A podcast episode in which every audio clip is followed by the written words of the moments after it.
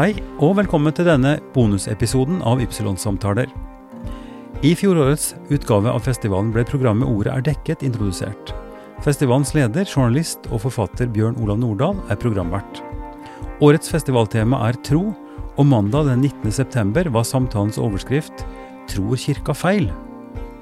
Prost emeritus Trond Bakkevik, tidligere pressetalsmann i Human-Etisk Forbund Jens Brun Pedersen og daglig leder i Philadelphia Gunn Hilde Brun Pedersen er gjester. Dette er den andre av fire samtaler som arrangeres i den 13. utgaven av Drammen Sacred. Samtalene gjennomføres i samarbeid med Drammensbiblioteket, Stykkeholding og Kirkelig dialogsenter Drammen. Kjære alle sammen. Hjertelig velkommen til en ny utgave av Ordet er dekket, som er Drammen Sacred sitt verbalprogram. Hjertelig velkommen til dere som eh, følger oss på streamen direkte, og til dere som har funnet veien hit til Drammensbiblioteket i dag, som er scenen for Ordet er dekket de neste dagene i festivaluka. Ordet er dekket er altså et verbalprogram eller et samtaleprogram hvor vi tar oss tid til å snakke litt ordentlig om tingene. Både det som er vanskelig, det som er utfordrende, det som er litt vondt, og det som også kan være litt morsomt. Og eh, i dag skal vi få litt av alle deler, for vi skal snakke om Tror kirka feil? Eller hvorfor er det sånn at kirka alltid har en tendens til å velge seg de dårligste vennene? Eh, vi har et kjempefint panel, og vi skal etter hvert introdusere flere gjester. Men han som sitter her nå, han heter Trond Bakkevik. Og sørget for at vi fikk litt sånn ekstra spenning fram mot uh, sending. Og ville han rekke det? Jo, han rakk det til slutt. Eh, for mange kjent som teolog, til og med en doktorgrad i teologi. Generalsekretær i Mellomkirkelig råd i ni år. Eh, og prost i Vestre Aker prost i Oslo etter det. Men nå eh, pensjonist, kanskje, eller noe sånt? Pensjonist, ja. ja. Åssen er det? Åssen er det? Det er helt fint. det er helt fint. Det er derfor du eh, kan prioritere sånne ting som dette her. Du, vi trenger ikke bruke lang tid i kirkens historie for å finne tvilsomme ting. Altså, jeg mener Vi kan snakke om korstog, krig, mord i Guds navn, brenning av hekser og bøker og undertrykking av folkegrupper. I Norge samer, f.eks. Kirka har ikke vært helt eh, på plass der. Eh, så liksom, begynner litt, litt vidt, da. Hvorfor er det sånn at kirka har en tendens til å velge litt gærne venner? Ja, men det går an å snu spørsmålet. Hvorfor har gærne venner i tendens til å velge Kirken? det, det, var ikke meg, det var kvinnen du ga meg. Ja, nettopp. ja da. Ja, altså, det er jo å gå tilbake til syndefallet, som noen kaller det. da. Men, eh, men eh, hvis du tar det fra den andre siden, hvorfor har alltid makthavere hatt behov for å alliere seg med religion? Mm. Uh, for det er det, det, er, det er, det, jeg ville se på som det gjennomgående trekket. Mm. Og så har Kirken benyttet seg av det, og blitt benyttet av det. Kirken har ikke alltid vært vond å be? Nei, det har den slett ikke. Nei. Og det er, altså, Da Konstantin ble uh, Kan si at det begynte på en måte med det. Da Konstantin ble kristen, så hadde han jo dette korset i banneret som sa at i det, i det tegn skal du seire. Mm. Og det var korsets tegn, og det seiret han øh, ved. da. Kan man spørre om det var det, eller om det var det at han faktisk hadde en ganske god hær. Mm. Jeg vil vel heller si det motsatte. Mm. Eller si akkurat det. Mm. Men, men, det gjorde jo at Romerriket fikk et kristent fortegn, altså kristne makthavere. Og, og, siden så har dette fortsatt da i ulik grad. Men det er også interessant at noen av de første splittelsene i kirkens historie de kom fordi eh, altså, Selvfølgelig var det teologi. Det er det jo alltid. Mm. Men det var også fordi at uh, en del av kristenheten ikke ville tilhøre det østerromerske riket. Sånn at uh, det, er, det er en sånn blanding av dette. Og, og, mye av de kirkelige store bekjennelsene de ble jo drevet gjennom mange altså Jeg har lest om det liksom i teologihistorien, for det hører jo til faget mitt. Og så har jeg begynt å lese litt annen historie. Uh, og da ser jeg jo at det er veldig mye av keiserne som har drevet gjennom disse kirkelige læresetningene som vi holder høyt. F.eks. den nikenske trosbekjennelse. Mm. Um, Så Kirken har uh, alliert seg med makten, og makten har alliert seg med religion. Mm. Min gamle kollega i Vårt Land, Erling Rimhaug, som du kjenner godt, han uh, stilte nylig spørsmålet uh, Var det sånn at Olav, Olav, den hellige bare omvendte ved hjelp av makt, og det var makta som egentlig betydde noe for han, eller, eller trodde han var bitte lite grann kristen også? Hva tror du? Nei, er, Vi kan jo stille det samme spørsmålet om Putin, som nå driver på. Uh, og det skal vi snakke mye om nå. Ja. Nei, altså jeg tror, nok at, uh, jeg tror nok at Olav den hellige hadde en form for personlig kristen tro. Uh, og han innførte jo kristenretten i Norge, og den er jo interessant på den måten at den sier at retten har ikke sitt utspring i makten.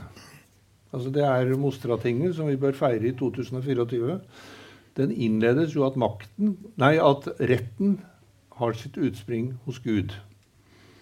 Um, men det mener jo ikke f.eks. Orban eller Putin eller uh, i Polen, altså hvor, hvor, de forsøker å gjøre om på domstolene. Og det gjorde jo heller ikke Olav den hellige. Men han laget denne loven som sa at makten har utspring hos Gud, ikke hos Nei, uh, retten har utspring hos Gud, kilden hos Gud, ikke hos makten. Det, akkurat det utsagnet der, det kan vi bruke maktkritisk. Uh, sånn at han, han, har skapt noe som undergraver sin egen makt, men han, han brukte det jo ikke sjøl. Altså han, han, tvang jo gjennom hadde ikke så mange hemninger. Nei. Nei men du, eh, vi må snakke om en fyr som heter Kiril. Ja. Eh, for mange også kjent som patriarken i Moskva. Ja. Eh, øverste leder for den russisk-ortodokse kirken i juni, midten av juni nå i sommer, så uh, jo, skjedde det noe i Storbritannia. Uh, de satte Kiril på sanksjonslista. Ja. For hans eh, støtte til landets krigføring i Ukraina. Du, Hjelp oss litt med å forstå han her Kiril. Hvem er han? Jeg kjente han jo i sin tid. Du gjorde det, ja? ja, ja.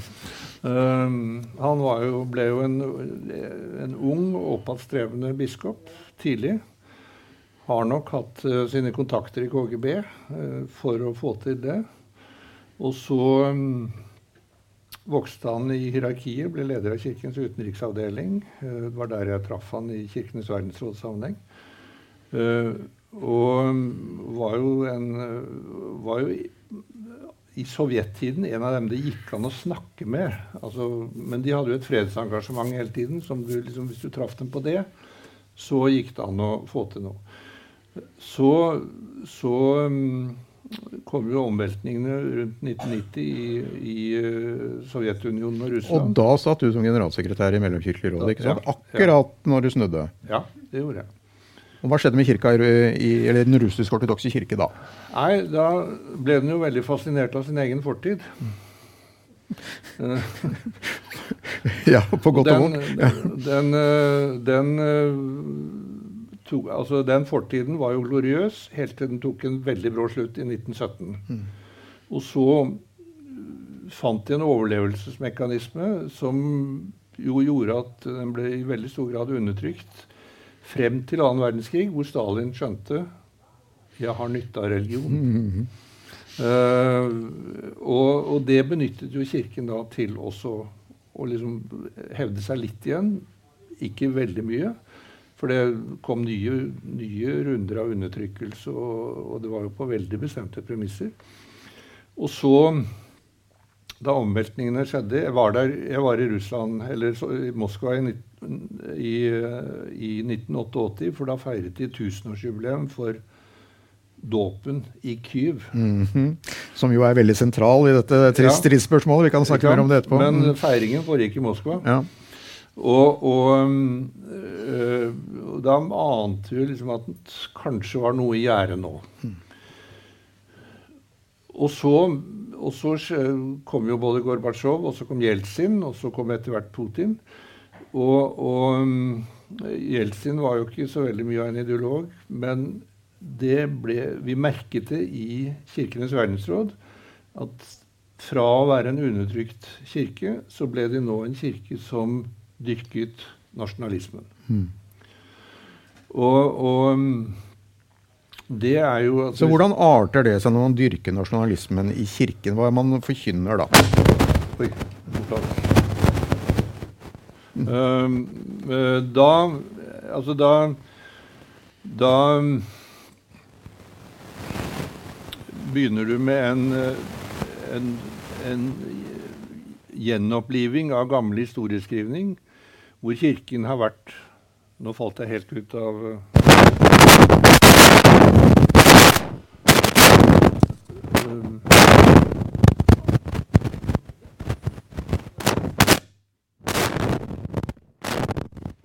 Skjedde i fallet. Vi kan, eh, vi, kan, eh, vi kan, snakke litt med litt høy stemme, kan vi ikke det? Jo.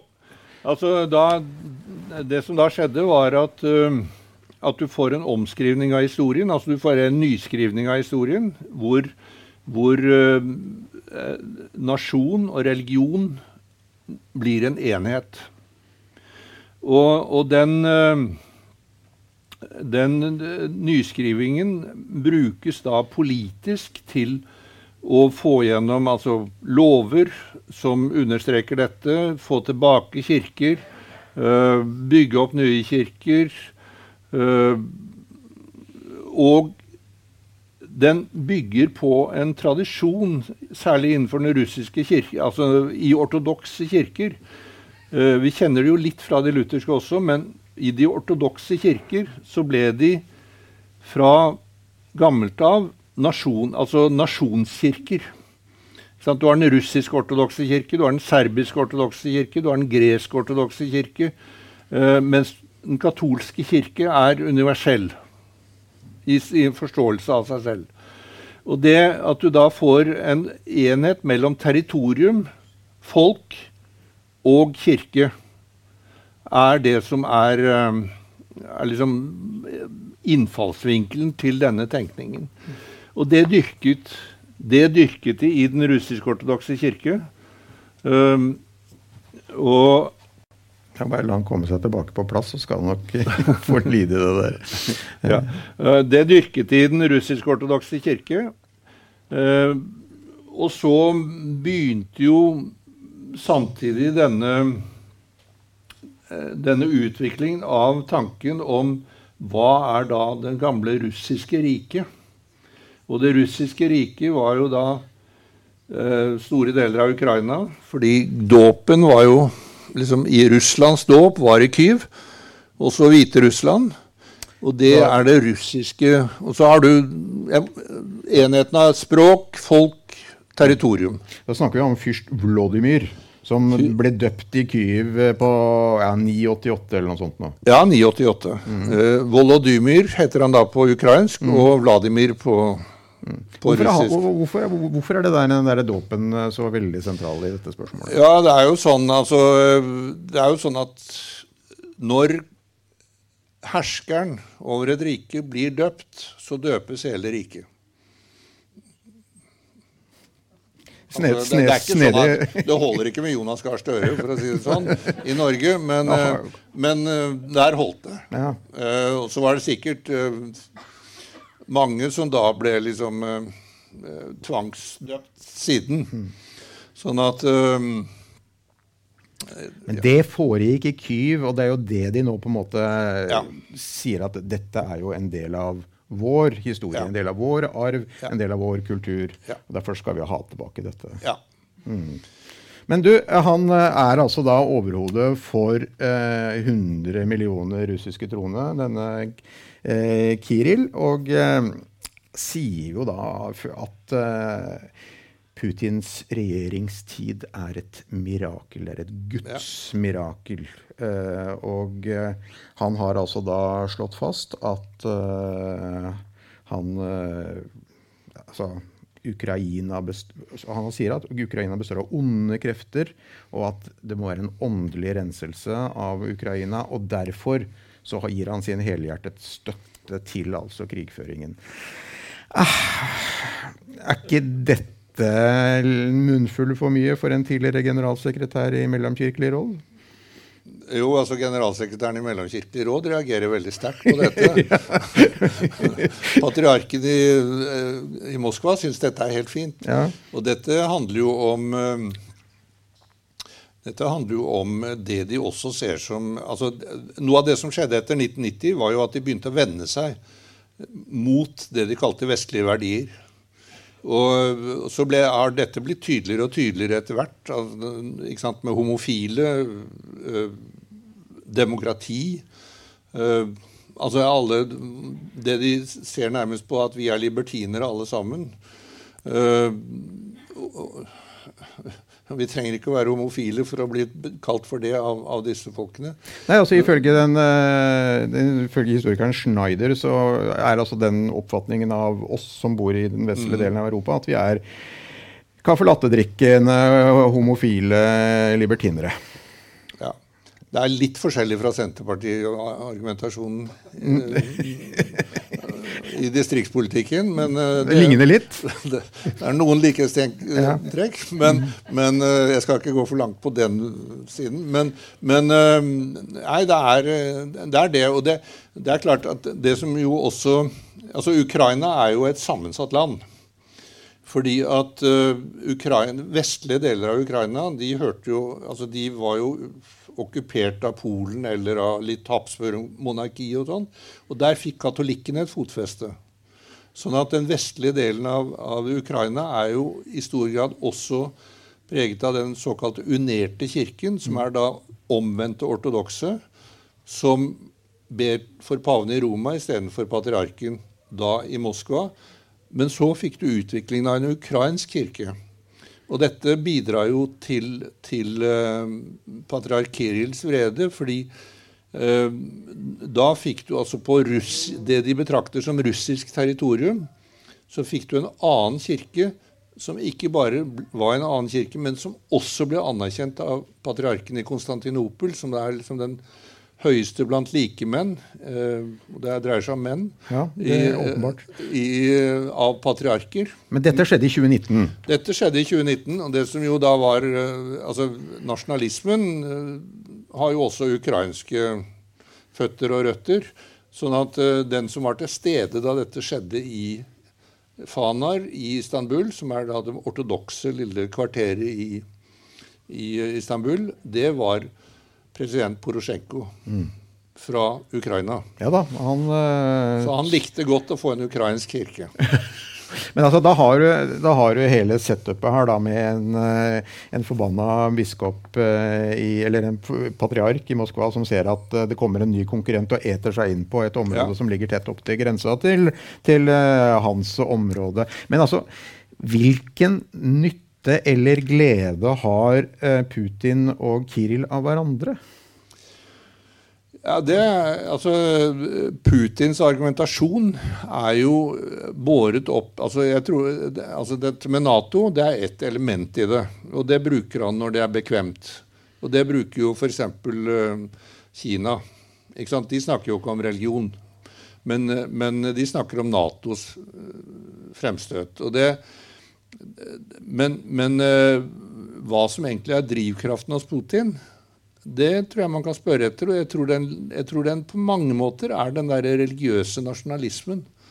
Um, som gir det der fanatiske uttrykket som, som, det får i denne type krigføring. Ja, men trenger de, trenger de hverandre? Ja, da trenger de hverandre. Fordi eh, altså, Putin trenger et ideologisk grunnlag det har han jo eksplisitt sagt selv. Og, og, og Kiril er jo glad for dette. Det er helt tydelig. Sånn at øh, det er øh, Men han står ikke da som Grimkjell på Moster og sier at makten, nei, retten har kilde hos Gud. Han, han sier i realiteten at ja, retten har kanskje kilde hos Gud, men Putins er hans instrument. Mm. Men, altså, men, Putin har jo åpenbart eh, glede av, eh, av, å gjøre en slags bevegelse mot, altså, mot kirke, mot religion. Altså, da han var og besøkte Assad i Syria, hva var det de gjorde for noe? De gikk jo i kirke sammen. Ja, ja. ja men du skjønner, Nå er du borti en interessant historie. Nå er det bare å putte på en 50-øring, så får du et helt lite foredrag her. Ja, Men, det, du men, får gjøre det kort. Vi kan ta kortversjonen. Ja. I 1763, tror jeg det var, så, så Vi begynner der, ja. Mm. ja. Jeg skal komme fort til Kim. Så skjønte, så skjønte den russiske tsar at Frankrike drev og ålte seg inn i Midtøsten. Mm. Og så gjorde han en avtale med sultanen om at tsaren i Russland skulle være de ortodokse kristnes beskyttere i Midtøsten. Fordi Frankrike støttet den katolske kirkes fremstøt. Og så gjorde en avtale om det. Så har det vært frem og tilbake om dette, og da er det den historien som jeg ikke skal ta. Men det er veldig interessant at da Kiril hjalp Putin med å vinne valget i 2012, så tilbød Kiril at de skulle få nybygde kirker i Russland. Så sa Kiril i stedet nei, vi vil at dere skal hjelpe de kristne i Midtøsten. Og han var en av de første Kiril var en av de første som besøkte fra Moskva, som besøkte Damaskus. Hvis jeg bare skal legge til en liten parentes der, så er jo disse patriarkene rundt omkring i, i Istanbul, Alexandria, Antiokia og Jerusalem, så er det én av dem som er arabisk. De andre er greske. For det er liksom den greske nasjonalismen rundt omkring. Og det er i Damaskus. Og det var russerne. Eh, Antiokia. Altså, det var russerne som fikk til i 1899 at det skulle velges en arabisk patriark. De prøvde seg i Jerusalem, men det fikk de ikke til. Men de spilte på nasjonalisme, da? kanskje? Ja, ja og så, og så hadde de litt mer kontroll. Mm. I, du, dette fremstår jo ikke sånn spesielt sjarmerende. Altså, kan du da forstå at uh, folk tenker at her er det en sammensausing av religion og politikk og maktutøvelse som på en måte blir så uh, til de grader avskyelig at det er like greit å bare ta avstand til dette? Ja, altså det, men da, ja, det, dette er en sammensausing som er ganske utrivelig. Mm. Um, og, men eh, da har jeg også lyst til å si at det har hele tiden i Kirkens historie vært folk som har tenkt annerledes, som har organisert seg annerledes, og som har praktisert annerledes enn å alliere seg med makten. Den strømmen finner du hele tiden i Kirkens historie. Og da vi um, jeg vet jeg skal snakke med Jens etterpå her. Uh, da vi med en kirkelig kommisjon gikk inn for å skille kirke og stat i Norge, så var jo ikke det fordi vi tenkte at det er det beste for Kirken. Det mener jeg også det er. Men det var jo fordi at vi mener at staten er for alle, Kirken er for dem som ønsker å høre til. Mm. Og, og, det prinsippet Eh, håper jeg at, at, vi som kirke i Norge kan følge i vår praksis. Og så er det jeg hadde noen litt uh, usjarmerende uttalelser fra en viss biskop uh, på den tida. Der. Vi kan ta det etterpå når Jens kommer. Uh, ja, ja. Det, det var, jeg hadde flere biskoper som ikke var så glad for det jeg sa. Nei, nei, men, det, det også fra det såkalt liberale teologiske fakultet. Ja, men, hvis vi nå skal, vi skal snart, Du har allerede introdusert Jens Brun Pedersen. Vi skal, vi, skal, snart hente opp han. Men altså, før det altså, Burde ikke man sånn gjøre altså, Vi begynte jo med engelskmennene som bare satte opp Kiril på sanksjonslista si. Altså, hva mener du? Burde man ikke bare bryte kontakten her nå og si at vet du hva, det du driver på med nå, Kiril, det er så grovt, det er så overtredende at deg kan vi ikke ha noe med å gjøre? Jo, eh, det bør man gjøre i en viss utstrekning. Og så er det jo alltid det håp at folk kan omvende seg. Du mener at Kiril trenger litt omvendelse? Det mener jeg. Mm. Og det er også, altså, så jeg mener vi skal ikke trekke dem inn. Altså, I, i Nord-Norge så har de jo lenge hatt et sånt uh, Barentssamarbeid mellom kirkene. Der har de nå kuttet ut kontakten med den russisk-ortodokse kirke. Og det, Nå var det generalforsamling i Kirkenes verdensråd i Karlsruhe i Tyskland i forrige uke. Og Der var russerne til stede. Og det er jo et omdiskutert spørsmål om de burde være der eller ikke. Jeg mener nok at vi, vi bør satse på dialogen så lenge som mulig, men det må være en dialog hvor vi er helt tydelige. Altså Da må man ikke si at dette handler om to parter og alt sånt noe. Det handler om et angrep. Det handler om et overgrep. Og så, hvis dere da vil snakke med oss om det når vi sier det, så er vi villige til å snakke videre. Men, men dere må ikke prøve å få oss til å liksom bruke noe annen språkbruk om dette. Mm. Så, så, ja. Vi hadde I Lutherske verdensforbund så hadde vi kirker som støttet apartheidsystemet. De suspenderte vi. altså Vi, vi avskar ikke medlemskapet. Vi sa dere får tenke dere om. Og det er mulig at en sånn versjon kunne vært valgt. Men det er, altså det er også en lang sånn organisasjonsmessig Vi hadde en lang samtale om det om veien videre eh, etter krigen i Ukraina i går, hvor vi hadde en som du kjenner godt, nemlig Tom Kristiansen, ja. som snakket om det. Og det er jo altså et sånn Er det noen vei videre, da? Eh, altså, man fikk det til i, eh, i Sør-Afrika, men her ser vi en, en sånn helt annen hatretorikk, også fra kirken sin side. Ja. Men det så du fra en del av de sørafrikanske kirkene også. Mm. Um, og, sånn at det er, det er, en vei videre, men det, det, må nok skiftes ut hele lederskapet. Og det fins jo krefter i det lederskapet som tenker litt annerledes. Det ser ikke ut som Kiel har tenkt å trekke seg med det første. Nei, nei, nei. Du, har, du, beskrev han jo som en ambisiøs, nærmest klatrer innledningsvis. Ja, ja, ja. Ja da. Han, ja. Mm.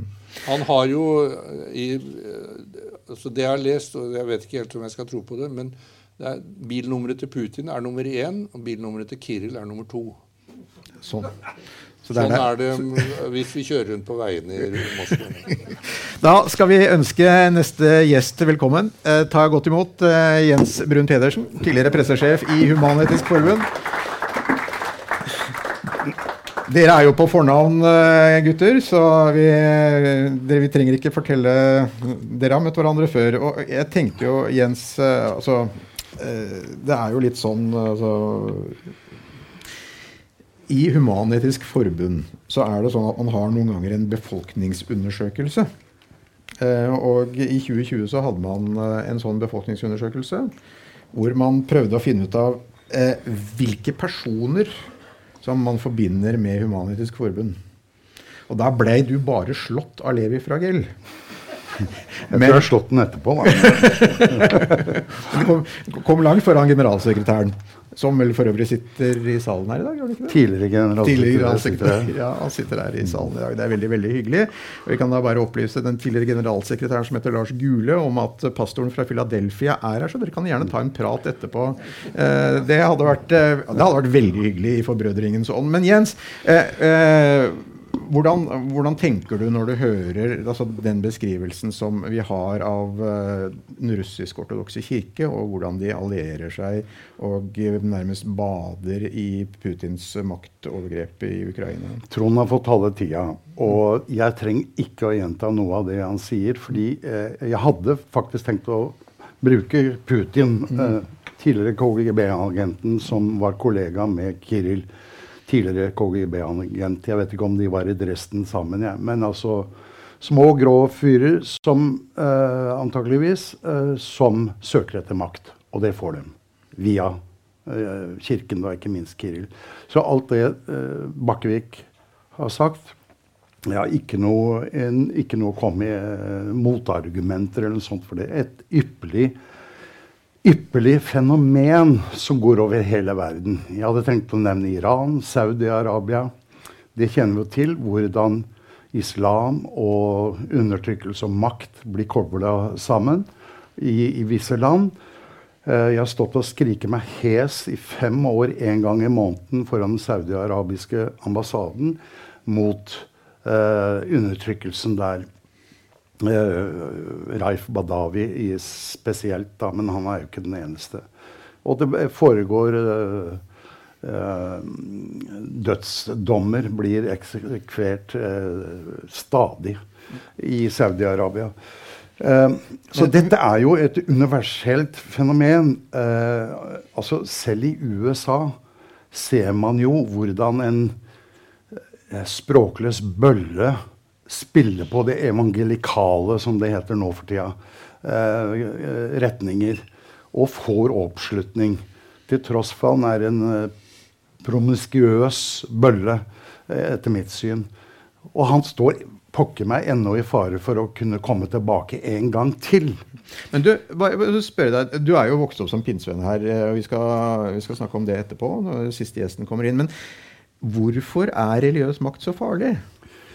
Altså, eh, Du kan beskylde pinsevenn for mye, men de har iallfall ikke flørta mye med makta. Mm. Altså Frimenigheter eh, har jo vært løsrevet på en helt annen måte fra statsmakten enn den norske kirke har vært. Og eh, takke Gud for det. Altså, de har, Det er jo en anarkist, anarkistisk De har jo en eh, anarkistisk struktur, altså hvor menigheten er selvstendig osv. Nå begynner de å få en sentralmakt uh, over pinsebevegelsen også. Det, uh, det, er kanskje ikke så rart. Men, men, der foregår maktutøvelse på en annen måte, og særlig kanskje overfor sine medlemmer. Jeg har lyst til å nevne et, klasse, et godt eksempel på ikke hvordan den norske pinsebevegelsen driver, men pinsebevegelsen i USA, hvordan de bruker helt bevisst sin forkynnelse til å nå fattige og analfabeter i den ikke-industrialiserte verden, ikke minst i Afrika. Hvor de spiller på åndsbesettelse både av mennesker og dyr. Og får selvfølgelig oppslutning fordi de ikke har mange av dem ikke har utdannelse altså av de de prøver å nå. Det er en kynisk eh, måte å nå folk på. Jeg husker jeg var i en TV-debatt med, med, en som vår familie eh, kjenner godt, som eh, etter den eh, tragedien i en pinsemenighet i Sverige mm -hmm. som gikk helt gærent. ikke sant? Og, og, da var jeg en debatt med en pinsepredikant hvor jeg snakket om de må være varsomme med den makten de utøver gjennom forkynnelse og bibeltolkninger og hvilke ord de bruker. Og da, da sier denne Østby at 'jeg har da ikke noe makt'. Altså, vær så snill. Eh, det å forkynne, det å tolke sier, altså, Det som er felles for de fleste religioner, er jo at man har hellige skrifter hugget i stein. Heldigvis har vi noen teologer da, som Trond og andre som gjerne hjelper til med å fortolke og setter inn kontekst, og, og på den måten får menigheten videre. Men også har man profeter. Og så har man i alle religioner, i jødedom, ikke minst i kristendom, altså masse retninger. Eh, og det er for så vidt sunt, men altså jeg er glad jeg tilhører ei rørsle som ikke har noen hellige skrifter. Ja vel, du kan si menneskerettigheter. Jo, de er det som kanskje betyr mest for meg. Men de er ikke hugget i stein. Jeg syns de kan Eller vi må ha som ambisjon å forbedre dem hele tiden. Eh, I dag ser vi at visjonene for en barnekonvensjon kan i visse tilfeller stå opp imot foreldreretten, f.eks. Altså, vi, vi blir hele tiden utfordra, og menneskerettighetene kan selvfølgelig bli enda bedre. Men jeg syns i dag er det det beste verktøyet vi har for fred og forsoning og for religionsfrihet, ikke minst, og sånne ting. Ja.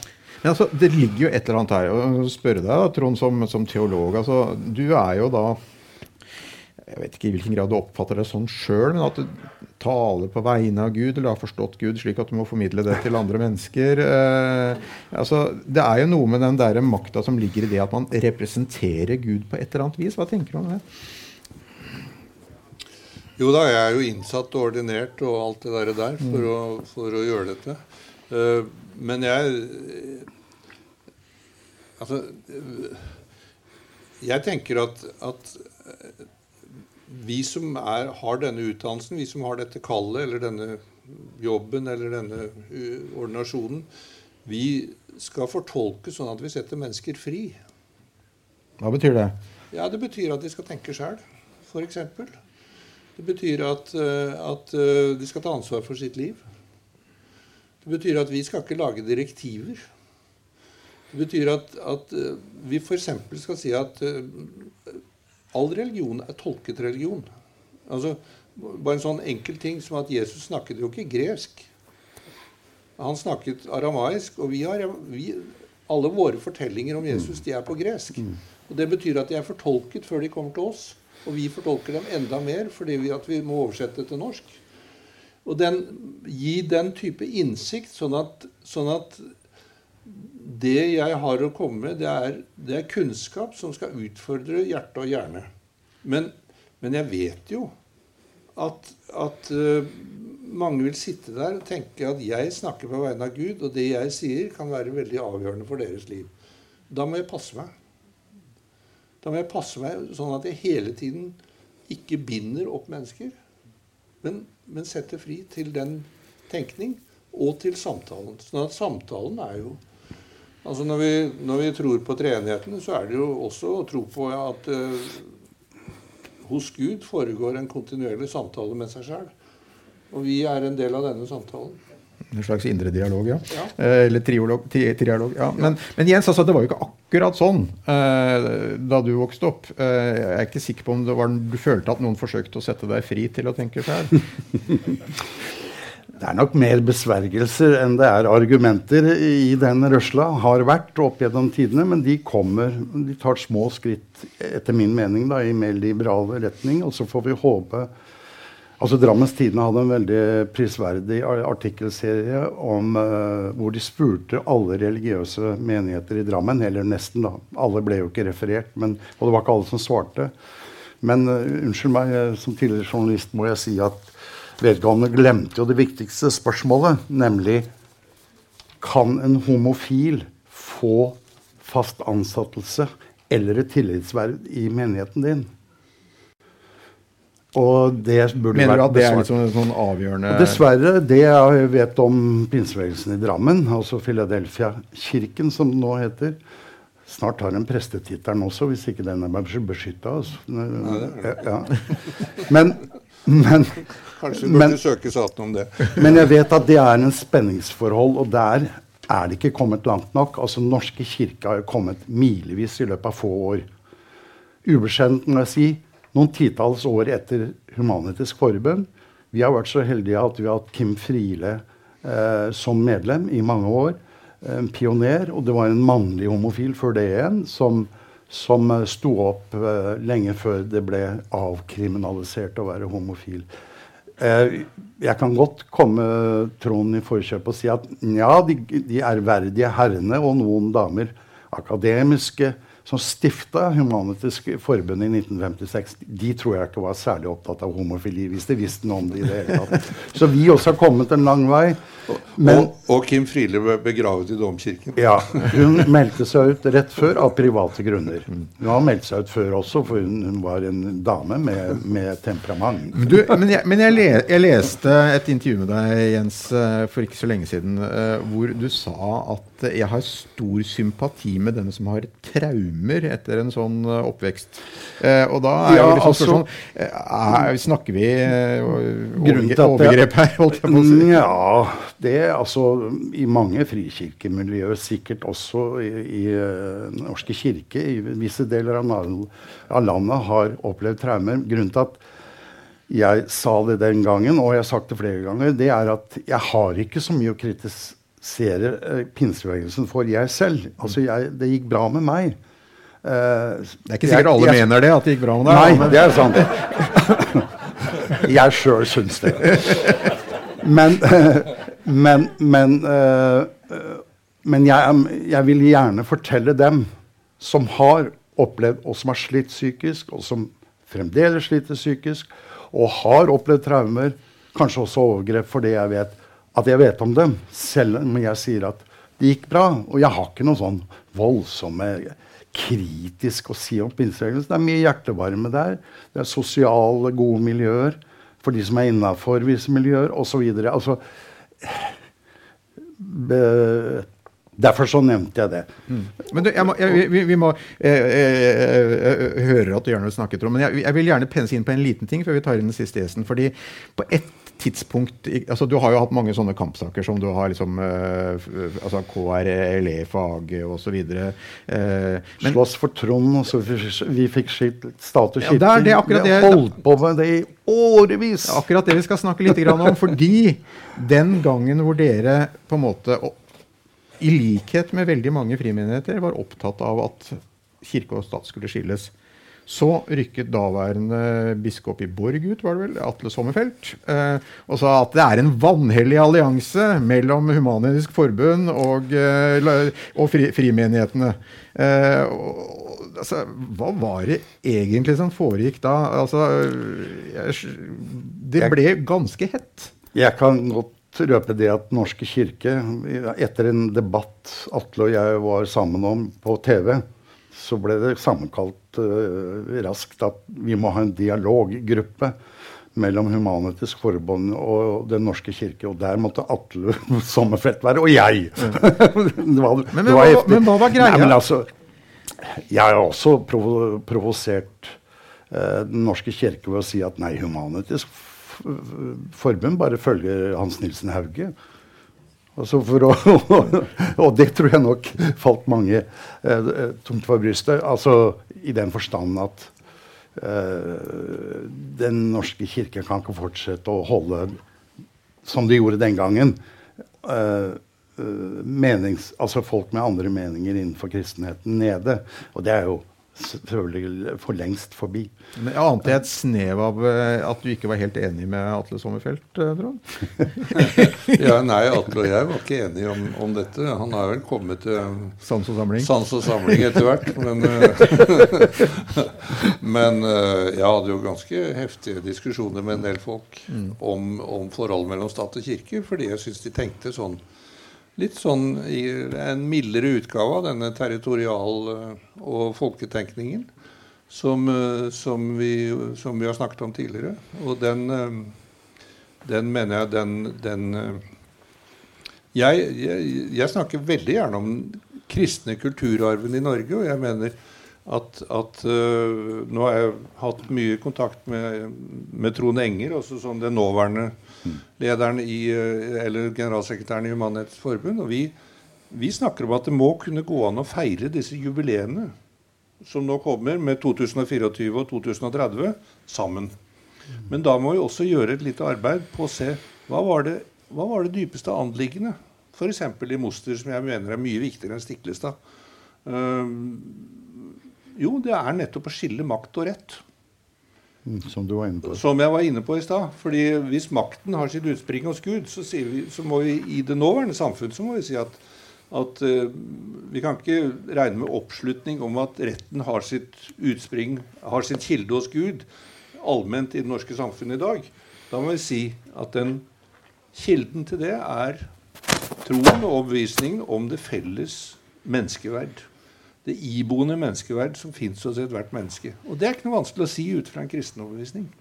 Men det kan vi også være enige med dere om. Og, og så fins det jo landsmenn i Norge i dag som mye, eh, mer, ube, altså mye mer ubeskyttet snakker om at retten har sin kilde hos Gud, enn det vi som i Kirken vil gjøre nå. Altså I en del muslimske samfunn så vil de gjøre det uten videre. Men, men der mener jeg vi har en oppgave i i dette legge det felles grunnlag for et godt samfunn. Ålreit. Nå skal vi hente inn uh, siste gjest, uh, som ikke er noen ringere enn lillesøstera til uh, Jens, nemlig Gunn Hilde Brun Pedersen. som ikke bare er lillesøstera til Jens, det kan vi ikke si er den viktigste egenskapen hun har. Hun er nemlig daglig leder i Filadelfia-kirka i Drammen. Gi henne en applaus!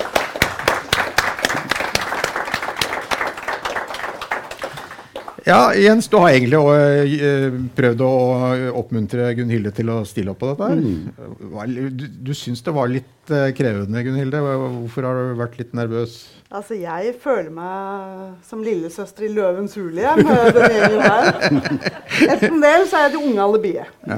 Jeg velger å ta det. Ja, ja, ja det, definitivt. Det unge alibiet og det kvinnelige alibiet. Vi måtte jo ha inn noen kvinner her. Men du, eh, jeg synes jo, altså Det er jo sånn interessant spørsmål her. da. Hvis, hvis vi skal skru hvis vi skal skru tida litt tilbake Jeg husker jeg satt og intervjua dere eh, sammen for det fortreffelige ungdomsbladet Treff. Eh, og Jens hadde selvfølgelig valgt det dyreste stedet i Oslo vi skulle sitte og gjøre dette intervjuet, nemlig på Dinner, hvor vi hadde et godt måltid og en interessant samtale. Men hvordan det på en måte Mens Jens fortsatt bodde hjemme og hadde begynt å flytte litt på grensene, hvordan arta liksom middagssamtalene seg hjemme hos dere, Gunhilde?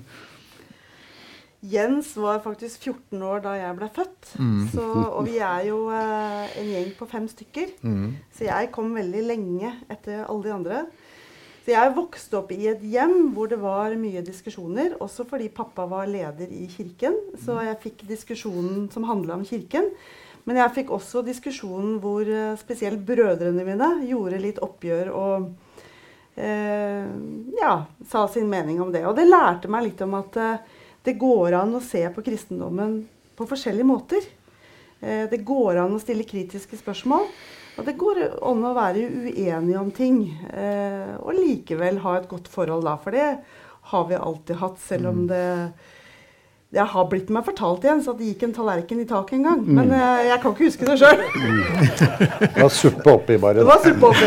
Ja. Men, altså, men altså, altså, det, ligger noen, det, ligger jo noen, litt sånn tunge, tunge historiske føringer her. for altså, eh, Det er ikke sikkert alle veit hvem Sverre Kornmo var. Men dere må nesten, dere må nesten fortelle liksom, så, Det ligger litt sånn tung eh, føringer fra tidligere generasjoner i familien deres. En autodidakt eh, uh, autodidakt Hva skulle jeg kalle den? Um, uh, ja, predikant. Det litt folkelig. En ja. høvding i pinsebevegelsen. Ja. du har så mange flotte ord, Jens. Eh, patriark. Patri patriark du skulle ha tak i. Ja. Nei, men altså, du har jo sagt det, Jens, at det lå en slags forventning om at du med dine litt godt utviklede talegaver, eller som det var svær i kjeften i hvert fall, uh, kunne blitt en bra pastor? Jeg har hørt rykter om det. Ja. Men uh, Jeg beklager å måtte skuffe. Men, men uh, hva var jeg skulle si at uh, Jeg har allerede sagt noe positivt om, om pinsebevegelsen, om det sosiale og osv. Men grunnen til Altså, patriarken, han bodde i noen år i annen etasje over oss. Og vår mor var preget av han, for å si det sånn. Meget streng oppvekst. Han, hennes brødre ble jo predikanter. Men, så jeg, jeg, tror mye av den litt strenge oppdragelsen vi fikk, skyldes nok han i antasje mer enn vår mor. Hun var like mye et offer som vi ble, for å si det sånn, eh, for, for, et visst sånt bibelsyn og osv. Ja. Men altså, Gunhilde, hvordan var det å ha den opprørske, opprørske storebroren? da? Altså, det, eh, jeg veit jo at eh, han på et vis tok deg med litt ut på uh, livet. På, ut på galeien, ut på livet.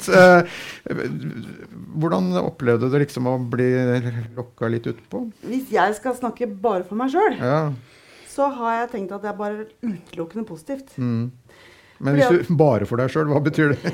ja, fordi at jeg veit at min mor hadde stor sorg, og det vet Jens godt også, og det har vi snakka mye om. og mamma var lei seg fordi Jens valgte så veldig klart og tydelig på en måte å uh, trekke seg ut fra menighet, kirke, tro og alt sammen, og begynte å røyke og drikke og fy eh, men, men, men, jeg lærte jo eh, masse av Jens. Jeg lærte, som jeg sa, altså det å være uenig, at det er lov. At det er lov å stille spørsmål. Det lærte jeg av Jens. Og så kan du si at mamma på et tidspunkt var ganske bekymra for meg. For at jeg kanskje er den som er mest lik Jens. Og jeg har i hvert fall valgt å, eller jobba en del i media. Og fikk være med Jens på premieren av 'Reisen til julestjernen'. Jeg fikk besøk i NRK. Jeg fikk møte masse kjendiser sammen med Jens. Jeg syns det var fantastisk! Så Jens har jo vært min storebror, som jeg har beundra og sett opp til. Og, og, og, tross alt så er jeg faktisk enig med ham i mange ting også. Ja, men det kunne gått gærent med deg også, det er egentlig det du sier. men, men det, og det, grunnen til at det ikke gikk så gærent, tenker jeg, det er fordi at uh, disse fire søsknene mine bante jo vei for meg.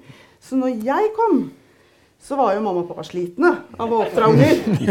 Så jeg fikk jo en mye større frihet. Uh, og det er kanskje noe som uh, vi har lært med åra at man behøver ikke å være så streng eh, og fortelle hva som er rett og galt eh, så mye som det kanskje mine andre søsken fikk. da.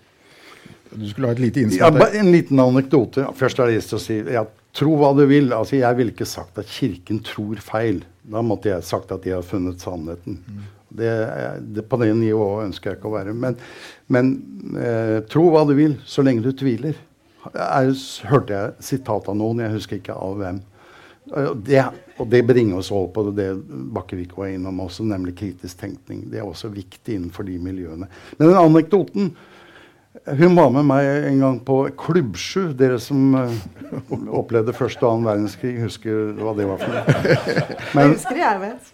Og der var det sånn lørdagskafé uh, på tidlig ettermiddag.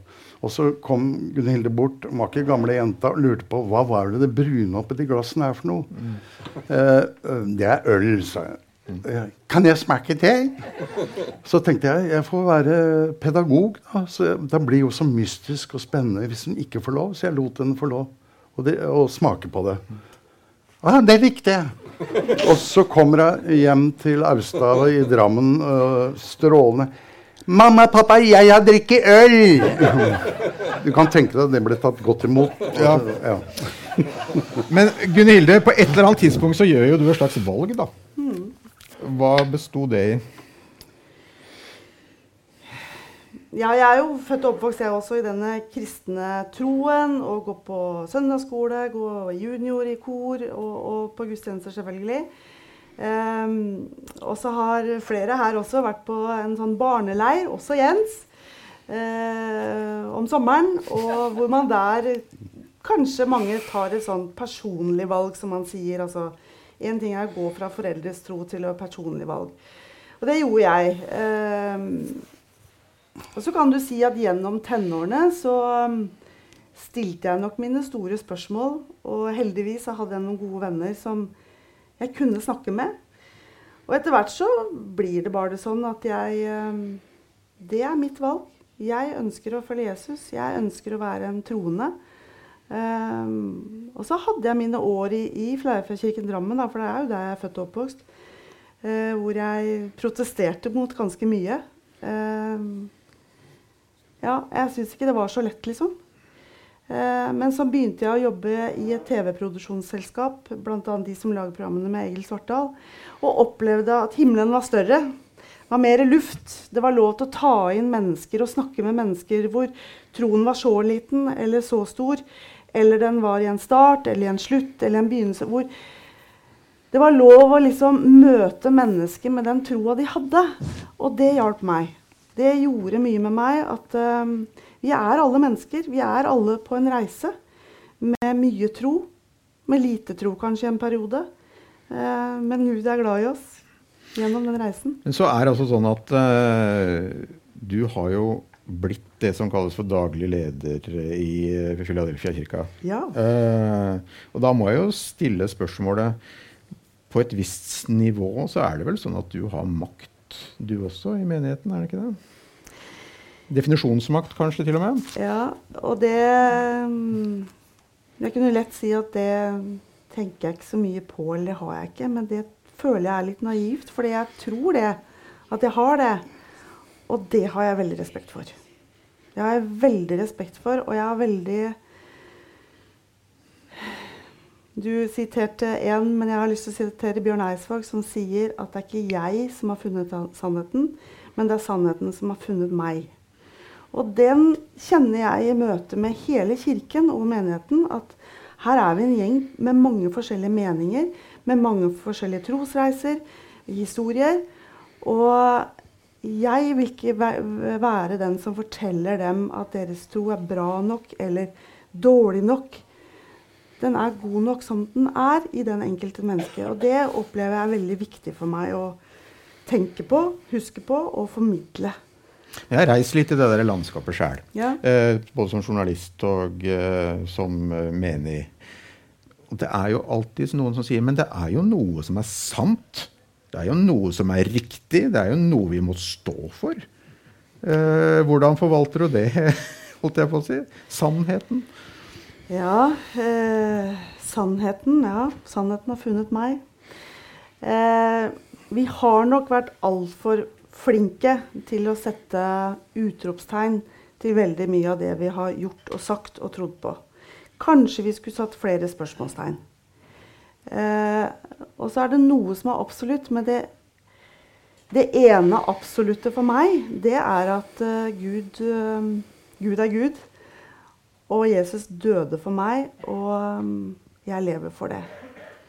Det er det eneste som er absolutt. Og så er det mye annet jeg kan undres over, eller vi kan reflektere over sammen.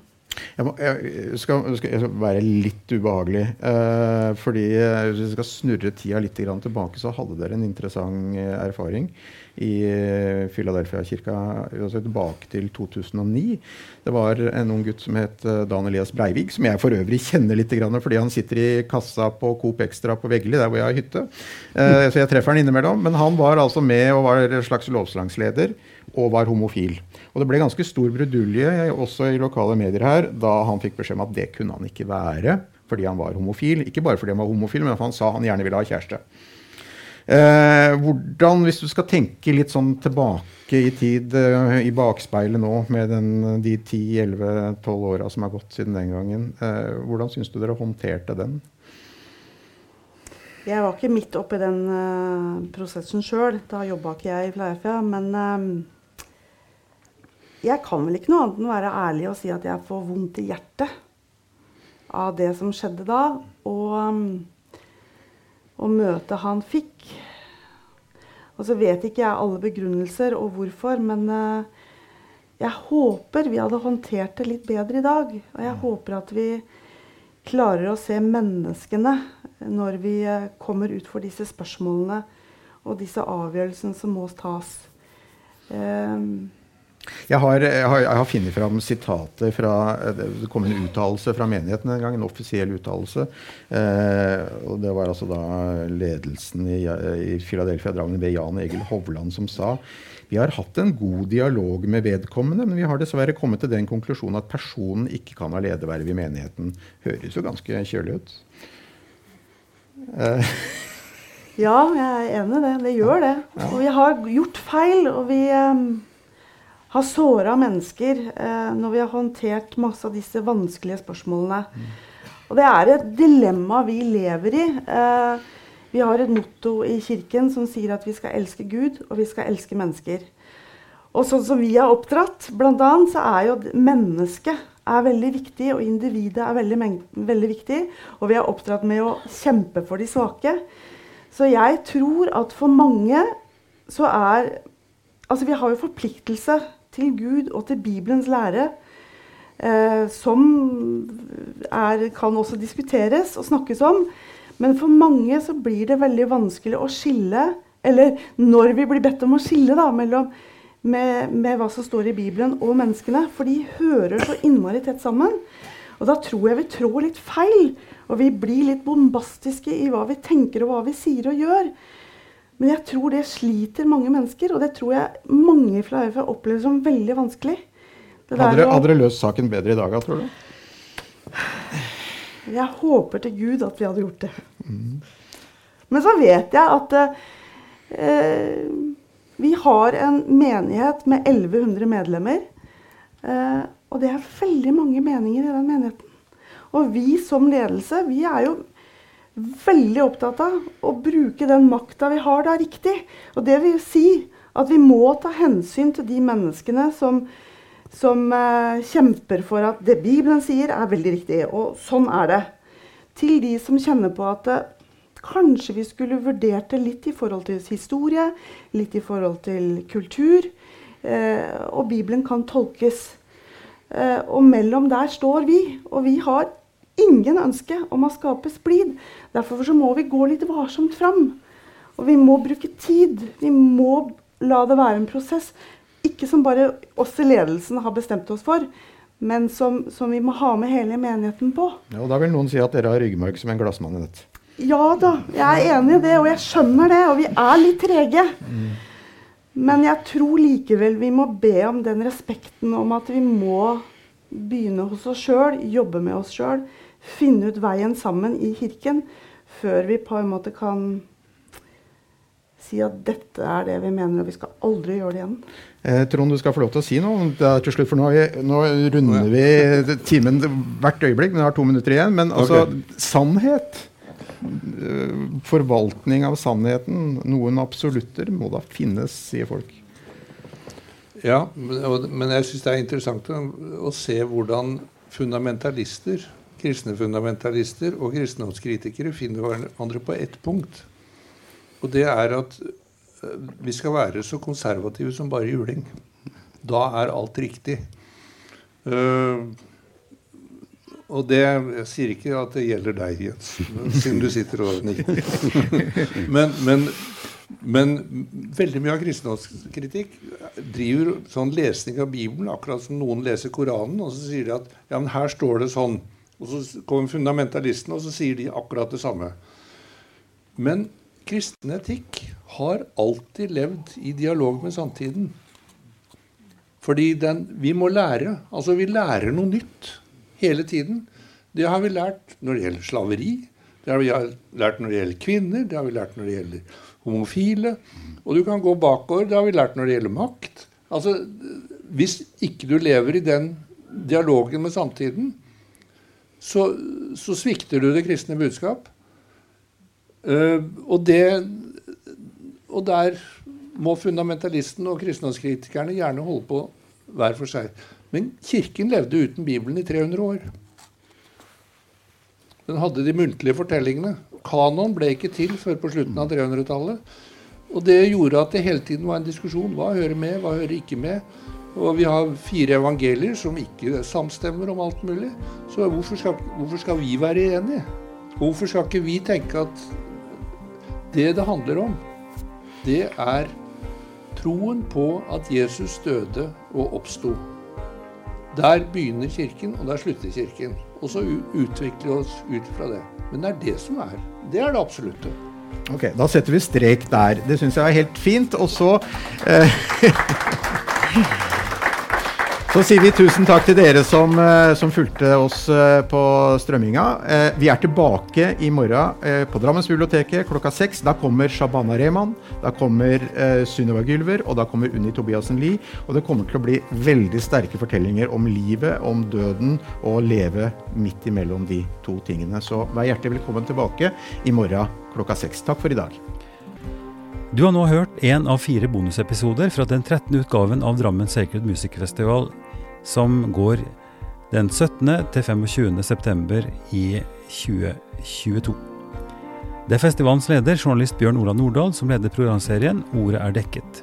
Samtalene gjennomføres i samarbeid med Drammensbiblioteket, Stykke Holding og Kirkelig dialogsenter Drammen. Mitt navn er Ivar Flaten, og jeg er produsent og redaktør for podkasten Ypsilon-samtaler.